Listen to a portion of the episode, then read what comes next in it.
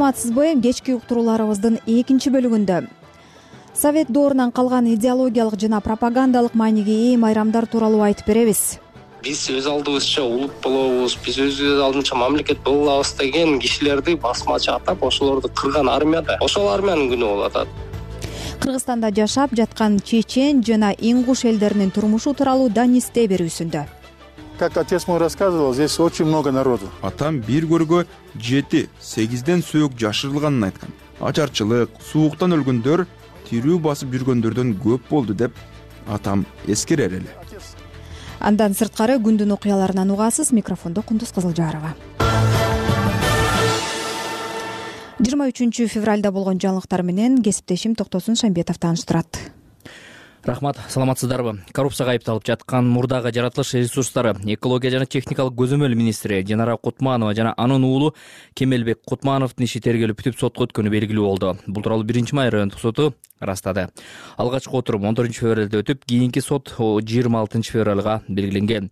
Экс министр динара кутманова жана уулу кемелбек кутманов кылмыш жаза кодексинин үч жүз отуз алтынчы беренеси коррупция менен айыпталууда. Сот алардын камактагы бөгөт чарасын бешинчи апрелге чейин өткөн жылы жыйырма бешинчи июлда улуттук коопсуздук боюнча мамлекеттик комитет динара кутманова министрликтеги бир катар коррупциялык фактыларда башкы уюштуруучу болгону аныкталып кармалганын кабарлаган. Мекеменин маалыматында кутманова министр болуп турганда мамлекеттин акчасын мыйзамсыз чыгарып кетүү боюнча кеңири коррупциялык схема түзгөн ал министр болуп эки миң жыйырма биринчи жылдын октябрында дайындалып кызматынан быйыл мартта күтүүсүз алынган кутманова былтыр мартта алынган кутманова өзүнө тагылган айыптарды четке каккан. Кутманованын уулу кемелбек кутманов эки миң жыйырма үчүнчү жылдын он жетинчи октябрында түркиядан кыргызстанга алынып келинген. Атайын кызмат тергөөнүн жүрүшүндө кутманов жаратылыш ресурстары экология жана техникалык көзөмөл министрлиги менен жаратылышты өнүктүрүү фондунун ишине кийлигишип андагы долбоорлорду каржылоонун он пайызын өзүнө алып турганын далилденгени айтылат эмгек социалдык камсыздоо жана миграция министринин орун басары улан чаначев кызматтан алынды. Бул тууралуу өкмөттүн басма сөз кызматы кабарлады. жыйырма экинчи февралда улуттук коопсуздук боюнча мамлекеттик комитет министринин орун басары улан чаначев мамлекеттик сатып алуулар боюнча кармалганын кабарланган шектүү атайын кызматтын тергөө абагына киргизилген.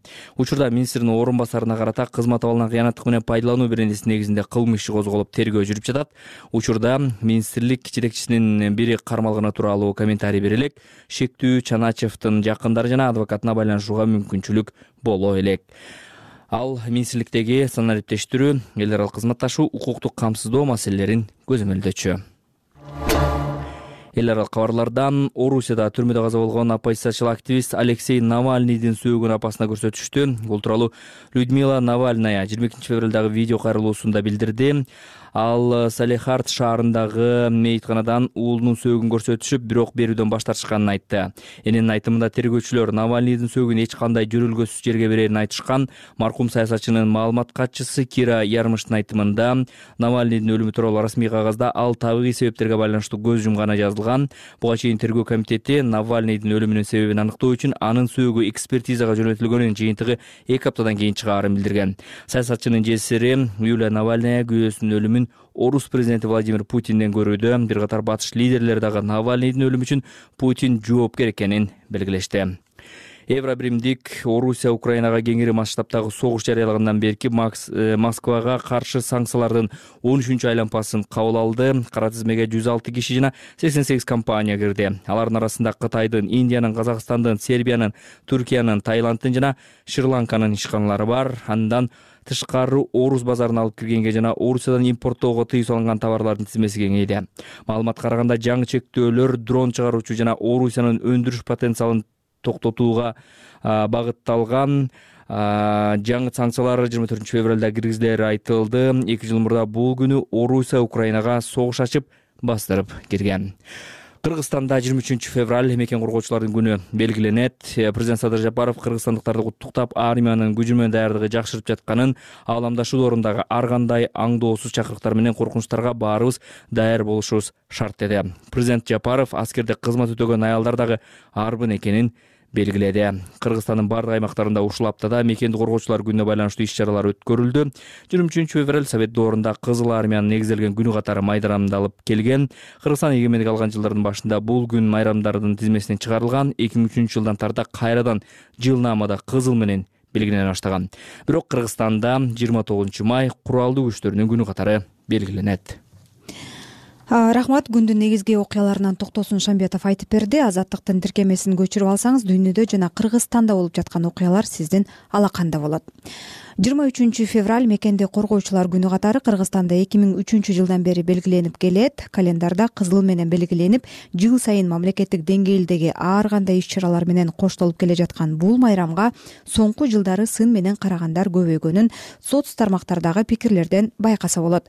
Соңку жылдары бул майрам маанисин айтып андан баш тартуу чакырыктары айтылып жүрөт. Ошол эле маалда аны тарыхый дата катары карагандар бар. Кабарчыбыз нурболот азаматтын баяндамасын угуңуз жыйырма үчүнчү февраль расмий мекен коргоочулардын күнү деп аталганы менен калк арасында ал мырзалардын майрамы катары белгилүү. Бул күнү бала бакчаларда мектептерде жогорку окуу жайларда атайын майрамдык иш чаралар уюштурулуп дээрлик баардык тармактарда эмгек жамааттар мырзаларды куттукташат. Жогорку кеңештин жыйырма экинчи февралдагы жыйыны да дал ушул майрамга байланыштуу куттуктоолор менен башталды. Депутат камила талиева кесиптештерин куттуктап майрам астында ар кандай маселени жок кылып дароо күн тартибиндеги маселелерге өтүүнү сунуштады. Ал эми төрага нурланбек шакиев дагы атайын куттуктоо жолдоп өз сөзүндө өлкөнүн коргоо жана коопсуздук тармагына өзгөчө көңүл бурулуп жатканына токтолду. Ошол эле учурда бул майрамга карата коомдун мамилеси бир кылка эмес. Соц тармак колдонуучуларынын арасында бул майрамды сындап жазгандар да четтен табылат. Биздин мурас коомдук фондунун жетекчиси чоробек сааданбектин айтымында кыргызстан өзүнүн эгемендигин толук түшүнүп көз чаптыра албай жаткандыктан мындай идеологиялык майрамдардан али күнчө кутула албай келет. Революция жүргүзгөн совет бийлигинин душмандарын баарын жеңген армиянын күнү деп эсептеп атабыз да. Бирок бир чети мындай карасак ошол эле армия биз өз алдыбызча улут болобуз биз өзүбүз алдынча мамлекет боло алабыз деген кишилерди басмачы атап ошолорду кырган армия да. Ошол армиянын күнү болуп атат ошол эле учурда албетте баягы экинчи дүйнөлүк согушта биз кызыл армия катары дүйнөлүк фашизмди жеңгенбиз деген да сезим бар да. Биз ошол сезимге дагы мураскор болгубуз келет. Менимче негизги себептердин бири ошо да. Бир чети ошол жанагы идеологиялык жагдайдан болсо экинчи чети ошондой бир психологиялык да жагдайлар бар го дейм да. Жыйырма үчүнчү февралга сын айткандардын дагы бир аргументи бул майрам согушту пропагандалаганга шарт түзгөн майрам. Бул күнү окуучуларга же бала бакчадагы балдарга аскердик кийимдерди кийгизип ырларды окутуу менен согушту романтизациялоого мүмкүнчүлүк түзүлөт дегендер да жок эмес. Бирок филология илимдеринин доктору профессор лайли үкүбаева мындай пикирлерге кошулбайт. Анын айтымында бул күн тескерисинче жаштарга мекенди коргоо ыйык милдет экенин түшүндүрүүгө жол ачкан майрам. Бул согушта чакыруу эмес тескерисинче э, тынчтык күндү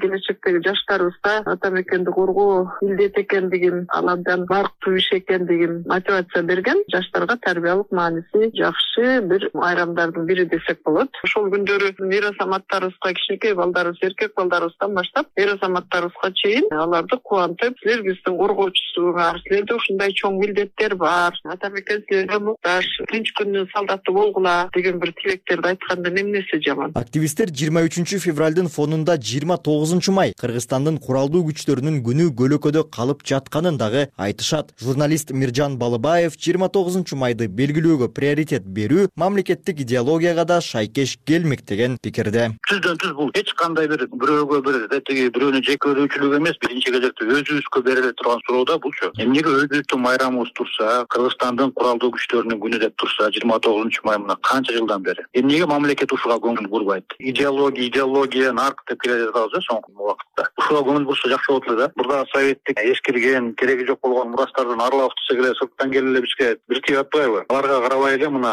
өрнөктөр бар да башка өлкөлөрдө мына саналуу эле өлкө калды. Он беш республиканын беш алты эле калган экен да. Ойлондура турган нерсе болуп калды го дейм да. Мурдагы советтик мамлекеттердин ичинен болгону төрт мамлекет жыйырма үчүнчү февралды али күнчө белгилеп келет. Алар орусия беларусь тажикстан жана кыргызстан. Калган мамлекеттер ата мекенди коргоо күнү катары өздөрүнүн күч түзүмдөрү куралган күндү белгилеп келишет. Нурболот азамат азаттык бишкек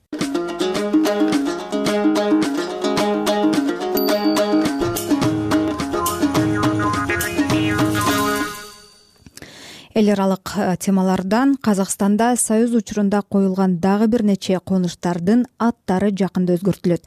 Алар идеологиялык жактан эскирген деп табылган. Азаттыктын казак кызматы мындай демилгелер жергиликтүү тургундарда түрдүү пикирлерди жаратканын кабарлады. Кененирээк кабарчыбыз айгерим акылбекова баяндайт казакстандын алматы облусунда беш айыл жана төрт айылдык округдардын советтик доордон калган аталышы өзгөрөт. Аталган облустун жергиликтүү кеңеши менен акимдин биргелешкен мындай чечими жыйырма төртүнчү февралда күчүнө кирет.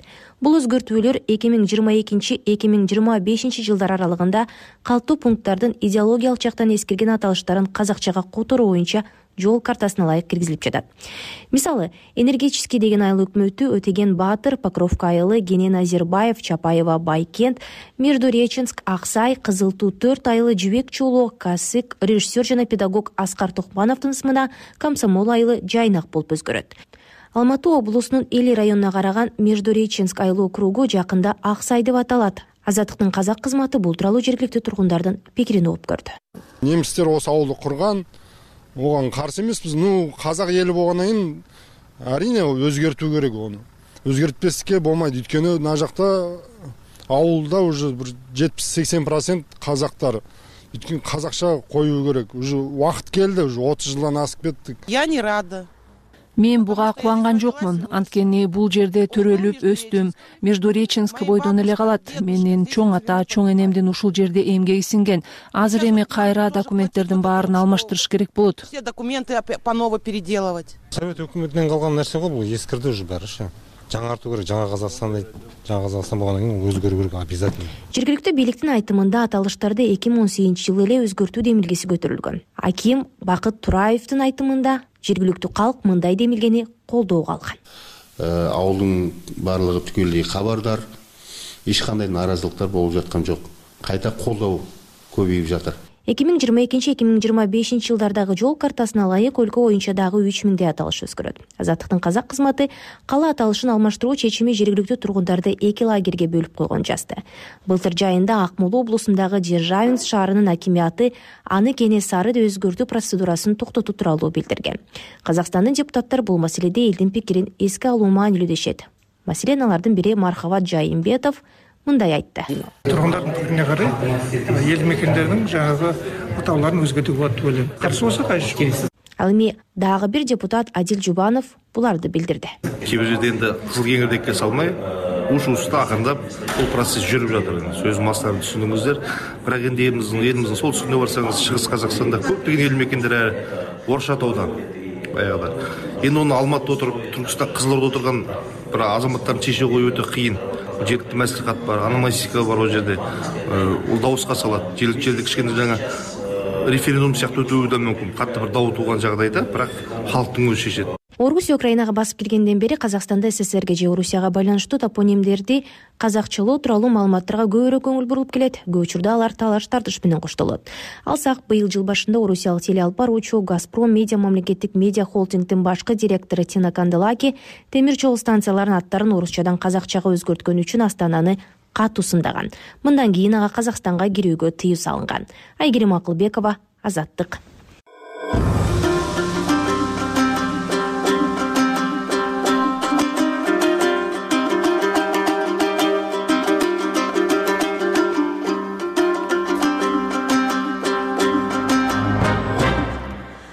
жарым миллионго чукул чечен жана ингуштардын куугун сүргүнгө кабылып кавказдан борбор азияга күч менен көчүрүлгөнүнө сексен жыл болду. Учурда чечендердин кыргызстанда эки миңдей урпагы жашайт. Улуттук трагедияга айланган бул окуяны алар жыйырма үчүнчү февралда эскерип келишет. Данисте берүүсүнүн бул чыгарылышы кыргызстанда жашаган чечендердин жашоосун көрсөтөт аны мирлан кадыров даярдаган. Күйдүн жакы белинде жашап өздөрүн кыргыз коомунун бир мүчөсү катары санаган чечендер бул жолу сокулукка чогулду. Алар жыл сайын жыйырма үчүнчү февралды аза күтүү жана эскерүү күнү катары белгилейт.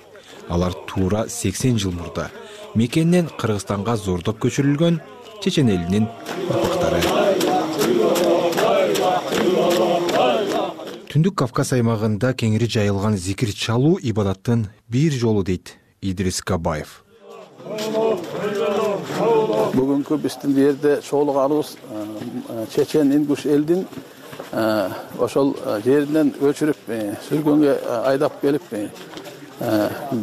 сексен жыл өткөн ошол эмени эме кылып атабыз бүгүн. Ошого куран окутуп анан ошол кеткендерди эстеп ошондой куран окутуп ушундай чогулуп атабыз чечендердин ушундай зикир кылган түрлөрү бар өздөрүнүн адаттары бар анан ошол зикирдин ачыгы бар купуясы бар зикирдин. Анан чечендерде ушундай ачык ушундай айланып ушундай зикир кылган адаттары бар да. Мына ошол зикирлерди кылып бүгүн ушундай Э, ошол кеткендерди эстеп биздин бир туугандарды бүт ата энелерибизди эстеп э, ушундай зикир кылып э, алладан кечирим сурап эки дүйнөнүн бактылыгын сурап мусулман элибизге дүйнө жүзүнө баарына мындай жакшы дуаларды кылып жакшы ниет менен чогулуп отурабыз бу жерде. Кыргызстанда азыр эки миңдей чечен жашайт өз тилинде нокчий деп аталган этностун көбү чүй аймагында отурукташкан мындан сексен жыл мурдагы чечен ингуштар кабылган трагедияны көргөндөр кыргызстанда азыр жок десе көбү ата энесинин эскерүүсүнөн улам гана билет. Фатихат бисмиллахи рахмани рахим алхамдулилля рахмани рахим это отец здесь. Бул атамдын бейити. Аты адам. Атасынын аты али чоң атасы ислам. Ислам алинин уулу адам деп жазылып турат. Отца отца ислам. Хачимурат алиевдин атасы кыргызстанга келгенде жыйырмага чыга элек бооз улам болгон. Бирок документинде бир миң тогуз жүз он үчүнчү жылы туулган деп жазылып калган. Алиев атасынан уккан азаптуу күндү мындайча сүрөттөдү как отец мой рассказывал здесь очень много народу. Он говорит в одной могиле есть по семь восемь человек көрүстөндүн аянты кичине көрүнгөнү менен аябай көп киши көмүлгөн. Атам бир көргө жети сегизден сөөк жашырылганын айткан. Бул жерде гелдаган жана соци юрт кыштагынын тургундары көмүлгөн. Айрымдарын атам өзү көмгөн экен. Ал тирүү кишиден көчөдө өлүп жаткандар көп болгонун айтып берген кол күчү жетпей өлүм житим көп болгондуктан ар бирине өзүнчө көр казууга чамалары жетпесе керек. Ачарчылык оору сыркоодон сууктан өлгөндөр тирүү басып жүргөндөрдөн көп болду деп атам эскерер эле. Жасмык же чечевица операциясы. Бир миң тогуз жүз кырк төртүнчү жылдын отуз биринчи январында сссрдин мамлекеттик коргоо комитети фашисттик баскынчыларга көмөк көрсөткөн деп күнөөлөп чечен ингуштарды өз мекенинен казак жана кыргыз ссрнин аймагына күчтөп жер которткон чечевица операциясы бир миң тогуз жүз кырк төртүнчү жылдын жыйырма үчүнчү февралында түнкү саат экиде башталып тогузунчу мартка чейин уланган. Мемориал уюмунун маалыматы боюнча чеченстан менен ингушетиянын аймагынан төрт жүз сексен беш миң киши зордоп көчүрүлүп жети миңдей киши операция маалында атылган. Алты жарым миңден ашыгы тоо ташка из жашырып кеткени айтылат ар бир үй бүлөгө өзү менен беш жүз килограммга чейин жүк алууга уруксат берилген. Бирок бир вагонго кырк беш киши отургандыктан жүк батырууга мүмкүн болгон эмес. Аларды көчүрүүгө жүз сексен эшалон керектелген. Операцияга жүз элүү миңге жакын аскер тартылып андан сырткары нквд жана контр чалгын кызматы смерштин кызматкерлери жүргөн. Чечен ингуштардын мекенине кайтуусуна бир миң тогуз жүз элүү жетинчи жылы гана уруксат берилген бул аралыкта кеминде жүз жыйырма миң киши каза тапкан. Бир миң тогуз жүз токсон биринчи жылы орусия репрессияга учураган элди реабилитациялоо жөнүндө мыйзамды кабыл алып ошол маалдагы операцияны куруу жала жана геноцид деп тааныган. Сталиндин тушунда совет өкмөтү волга боюндагы немистерди ошондой эле финдер калмактар карачайлар балкарлар крым татарлары крымда жашаган гректер болгарлар жана армяндар корейлер жана месхет түрктөрүн күчтөп жер котортуп куугун сүргүнгө алган. Массалык жер которуулар балтика өлкөлөрүндө жана украинанын батышында да болгон. Кыргызстанга жер оодарып куугун сүргүн менен келген чечендерди өлкөнүн туш тарабына бөлүштүрүшкөн. Алар чүй бооруна ош жалал абад облусунун туулуу айылдарына жайгаштырылган. Хажимурат алиевдин атасы адам алиев чүйдүн капталар айылына туш болгон ушул жерде отурукташып бир миң тогуз жүз кырк тогузунчу жылы үйлөнгөн экен. Жубайы да кыргызстанга айдалып келген чечен бүлөсүнөн. Рассказывал он вспоминал постоянно всегда плакал всегда слезы шли в отца. Атам ал учурду айтып бергенде дайыма көзүнө жаш алчу. Мал жүктөгөн жүк салган вагондор менен бир айга чукул жол жүрүшкөн экен. Жолдон ачкалыктан өлгөн кишилердин эсеби жок дечү. Өлүктөр талаага ыргытылчу дейт бир күнү аларга туздалган балык бериптир. Жегенге башка эч нерсе болгон эмес да. Туздалган азык жеген адамдарга суу да берилген эмес экен. Көбү ошондон да өлүп кетти деп айтып калчу. Ошентип бир айга жакын жолдо жүрүп кыргызстанга келгенде деле аларды жакшы жашоо күтүп алган эмес. Бул жакта согуш оту күйүп турбаса да элди ачарчылык каптап каржалып турган экен ошентсе да кыргыздар чечендерге жарты наны болсо да бөлүшүп жеген дечү атам. Атам көзү өткөнчө кыйын кезеңде жардамын аябаган кыргыздарга ыраазы болуп жүрүп өмүрдөн өттү. Благодарность до сих пор потомки благодарны народу. Узбек алиевди токмокто тааныбаган киши жок. Ал чакан шаарда отуз жылдан бери жашап кыргыз тилинде түш жооруйт хозяйством бар мына үйдө мурун мен келгенде биякта мен абдан көп малды кармачмын. Малды быкаларды э, уйлорду кармачмын.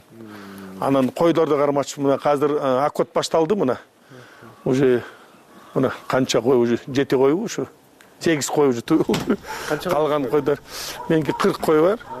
Кырктай койдор бар. Мурун сексенге жакын болчу анан. Азыр аздарды жетишпей да калсаңыз керек да. Да мен жумушта иштеп көп эме жетише албай калдым да. Узбек алиев сот прокуратура тармагында иштеген. Ал азыр эс алууга чыгып адвокаттык кылат. Ал чечен диаспорасынын жетекчисинин дагы милдетин аткарууда. Мен мына прокуратурада иштедим. Могу форма прокурорский форма могу советник. Подполковник советник юстиции второго класса. Ошо подполковник деп коет муну прокуратурада иштедим андан кийин он беш жыл иштедим прокуратурада. Андан кийин э, военный сот аскер соттун судья болуп иштедим э, сегиз жыл. Ошол жакта да мен иштегенде муну да форманы көргүзөйүн азыр пенсияга чыктым. Ошол жакта иштеп атканда сотто полковникка чейин жеттим бул уже полковник мен уже полковник болдум ошо. Полковникка чейин. Медальдарыңыз ошо медальдар эми всякий бар. Там не все биякта көп эми юбилейный да бар башка да медальдар көп бар медальдар бар. Генералга жеткен жоксуз. Жок генералга жеткен жокмун. Генерал генералга жеткенге председатель болуш керек. Мен ошол сот болуп иштедим аскер сотто сегиз жыл. Андан кийин мына пенсияга чыктым. Бүгүнгө чейин пенсияда адвокат болуп иштеп атам. Ошо абдан көп чоң иштерди караганбиз аксый ишти карагам мен.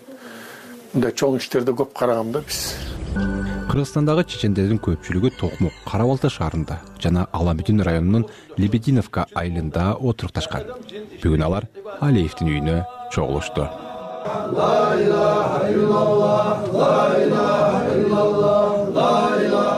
эркектер салттуу каадаларын жасап жаткан чакта аялдар улуттук тамак аш даярдоо менен алек болушат.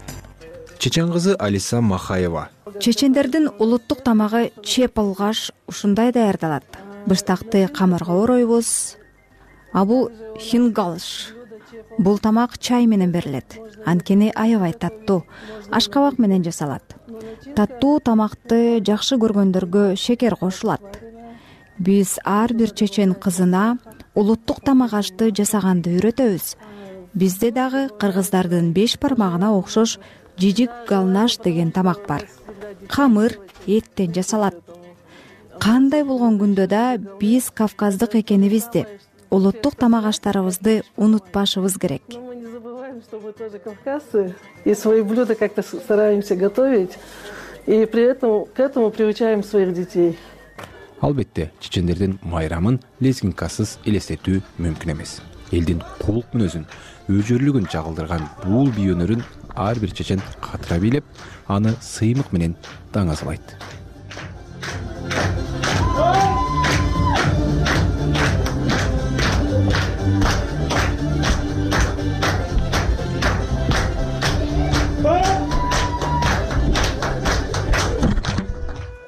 үй ээси узбек алиевдин аялы татар кызы. Жубайлар кара балта шаарындагы окуу жайдан таанышып баш кошушкан найля низамутдинова буларды айтты. Ну в жизни у нас всякое бывало. Турмушта түрдүү кыйынчылыктар болбой койбойт экен. Биз алардын баардыгын жеңдик десек болот. Мен чечен бүлөөсүнө толук аралаштым. Бир гана тилин үйрөнүү кыйын болду. Бул менин кемчилигим деп эсептейм. Бирок кандай болгон күндө да бири бирибизге арка жүлөк болдук окшойт атамдар дайыма эле айтышат биз биз көргөнү сиз көргөн жоксуз. Алар абдан кыйналган. Чын айтканда алар келгенде алар эч ким жок туугандар жок анан э, жок кыргыздар тосту да. Кыргыз эли тосуп кыргыздар дос болуп жакын болуп туугандай болуп алар аларга рахмат деп аткан ошо кыргыздар жок болсо биз ошо вообще бияктан уже эч ким калбайт эле дейт. Ошо депортация болгондочу суук болгон да кыш да болду. Ошон үчүн алар жардам берип тамак менен бөлүнүп ошо ушундай жашап ошо тирүү калышты дайыма эле рахмат деп жүрөт. Да бүгүнгө чейин мен да ошо балдарымга ошо чечендердин э, кичүү балдар барго сүйлөшөбүз да окугандар балдарга айтабыз. Дайыма эле биримдикте болгула бири бирибизди сыйлагыла кыргыз менен биз бир туугандай болуп кеттик деп дайыма эле бир тууган калабыз да. Кыргызстандагы чечендер кавказ тоо этектериндеги ата бабалары жашап өткөн түп мекениндеги жаңылыктар менен дайыма кабардар болуп турушат өткөн трагедиялуу окуялар үч муун алмашса дагы элдин эс тутумунда калган. Мирлан кадыров бектур стамкулов азаттык.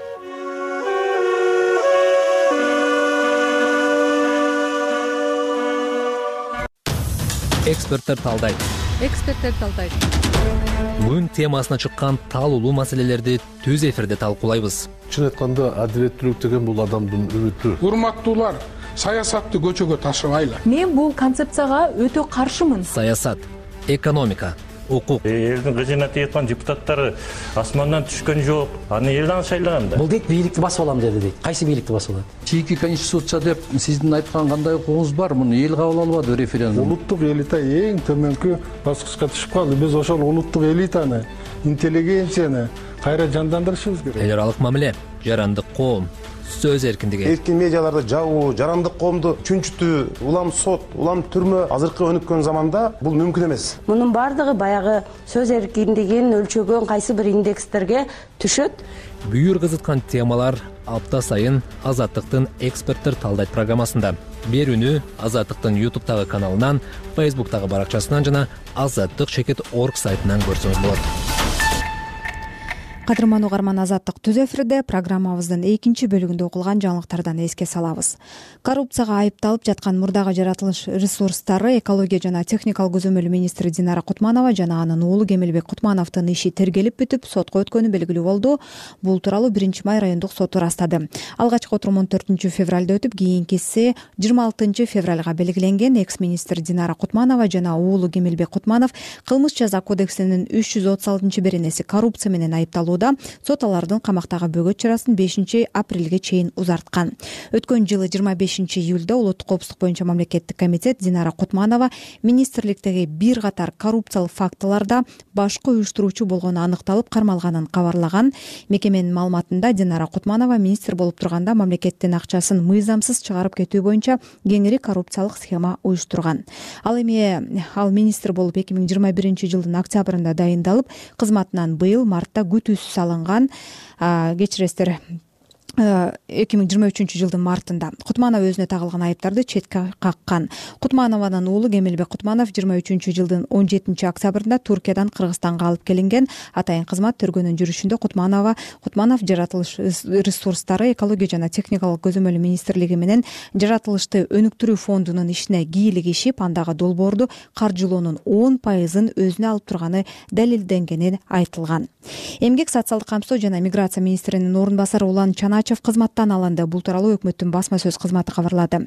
Жыйырма экинчи февралда улуттук коопсуздук боюнча мамлекеттик комитет министринин орун басары улан чаначев мамлекеттик сатып алуулар боюнча камалганын кабарлаган шектүү атайын кызматтын тергөө абагына камалды учурда министрдин орун басарына карата кызматтык абалынан кыянаттык менен пайдалануу беренесинин негизинде кылмыш иши козголуп тергөө жүрүп жатат. Министрлик бул боюнча азырынча комментарий бере элек улан чаначев министрликтеги санариптештирүү эл аралык кызматташуу укуктук камсыздоо маселелерин көзөмөлдөөчү ушуну менен биз жыйырма үчүнчү февраль жума күнкү уктурууларыбызды жыйынтыктайбыз. Алдыдагы дем алыш күндөрүңүздөр ойдогудай өтсүн. Биздин режиссердук пультта максат акматжан уулу болду ал эми эфирди алып барган кундуз кызылжарова болдум. Саламатта туруңуздар